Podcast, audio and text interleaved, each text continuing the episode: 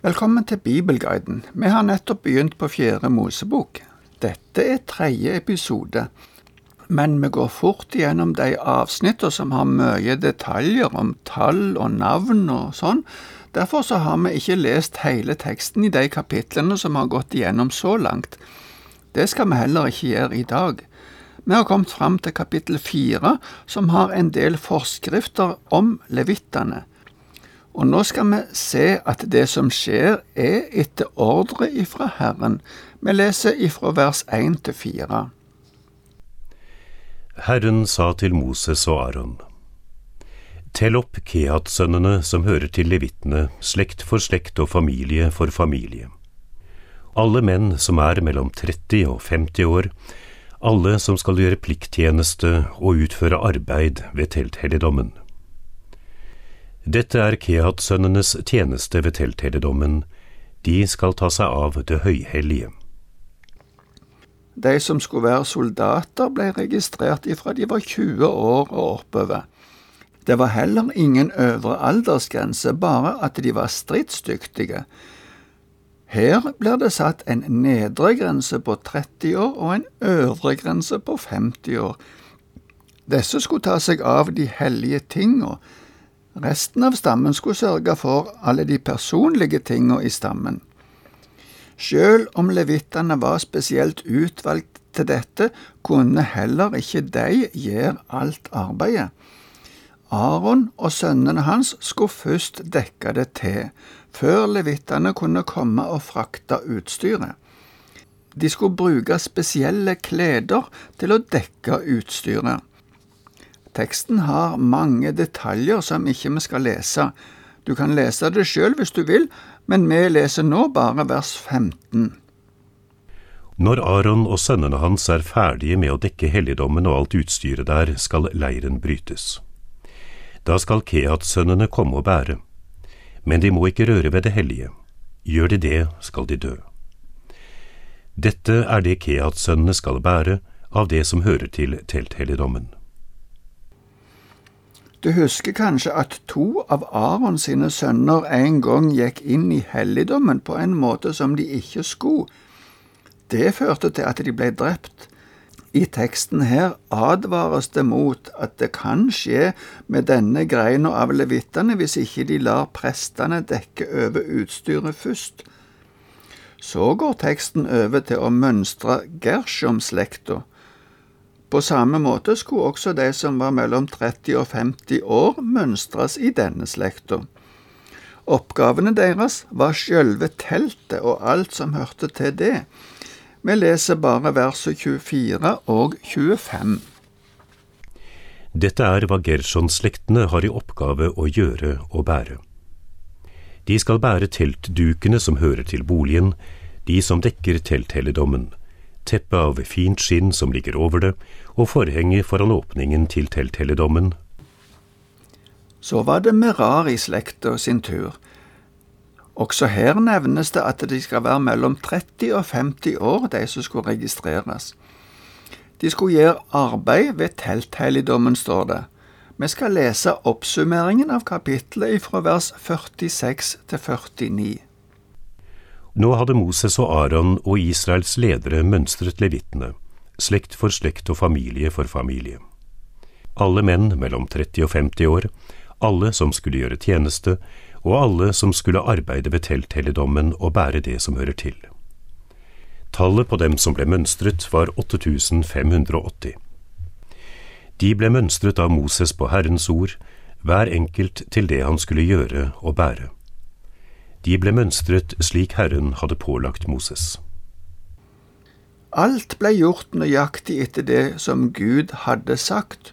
Uten å gå inn på noen detaljer, tror jeg at det er viktig også i vår tid at vi holder oss til det Gud har sagt for tjeneste og oppgaver i Guds rike, og ikke å bruke egen fornuft eller normer i samfunnet for å bestemme hvordan gudstjenesten skal foregå.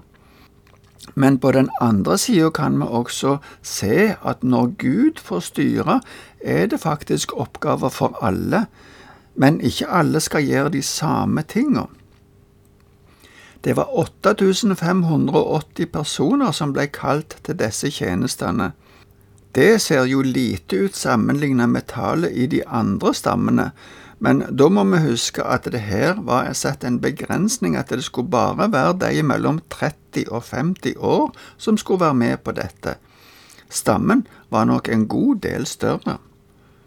Nå går vi over til kapittel fem.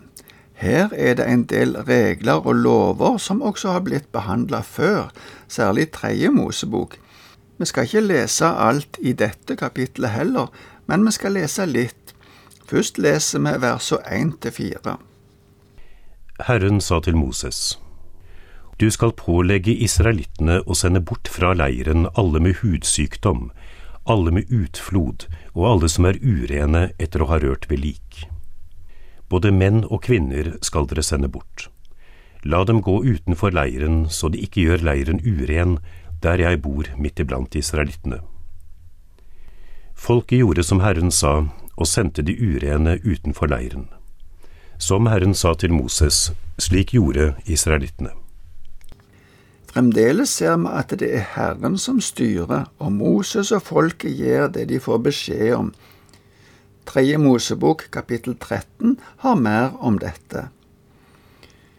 De neste versene viser at synd mot et annet menneske også er synd imot Gud. Vi leser versene fem til sju.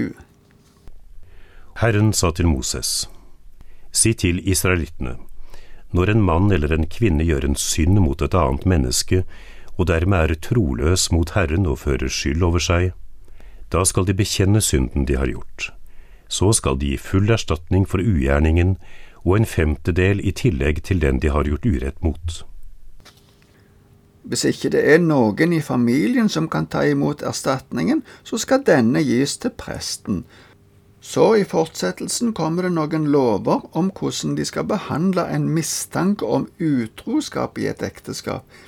I teksten brukes ordet sjalusi, men det er vel kanskje bedre å kalle det en mistanke og en ekkel følelse mellom ektefellene. Det kan skje enten det har vært utroskap, eller om det bare er en ugrunna mistanke. Vi skal lese versene 11 til 16. Herren sa til Moses, Tal til israelittene og si til dem, Sett at en kvinne kommer på avveier og er utro mot mannen sin, og en annen mann har samleie med henne. Men mannen hennes vet ikke om det, for hun har gjort seg uren i det skjulte. Det er ingen vitner, og hun blir ikke grepet på fersk gjerning. Men så kommer det sjalusi over mannen, og han mistenker at hans kone har gjort seg uren. Det kan også hende at sjalusi kommer over mannen så han mistenker sin kone selv om hun ikke har gjort seg uren. Da skal mannen ta sin kone med seg til presten og bære fram offer for henne, en tiendedels efa byggmel. Han skal ikke helle ut olje over det og ikke legge røkelse på, for det er et matoffer for sjalusi og et påminningsoffer om synd. Presten skal føre kvinnen fram og stille henne for Herrens ansikt. Det blir så lest opp en forbannelse og lagt en drikk som kvinna i dette tilfellet skal drikke, det blir så framstilt slik at hvis kvinna har skyld, skal denne drikken føre til at du får en bitter smerte. Men hvis hun ikke har gjort noe galt, så skal hun ikke ta skade av dette. For oss kan dette kanskje høres merkelig ut, og jeg vil ikke gå mer inn på det her. Men for det første så skal vi understreke at det seksuelle samlivet hører til ekteskapet, og bare der. Bibelen er tydelig på at utroskap er synd. For det andre kan vi si at synd imot ektefellen eller andre mennesker også er synd imot Gud. Livsførselen er viktig, men når det er sagt, må vi òg si at i den nye pakt så er det ikke alle de seremonielle lovene i Mosebøkene vi skal styre etter. Men vi skal leve så langt vi kan etter Guds vilje, elsker vår neste og gjør godt. Men når noen synder, er nøkkelen å komme til Jesus med dette og få tilgivelse.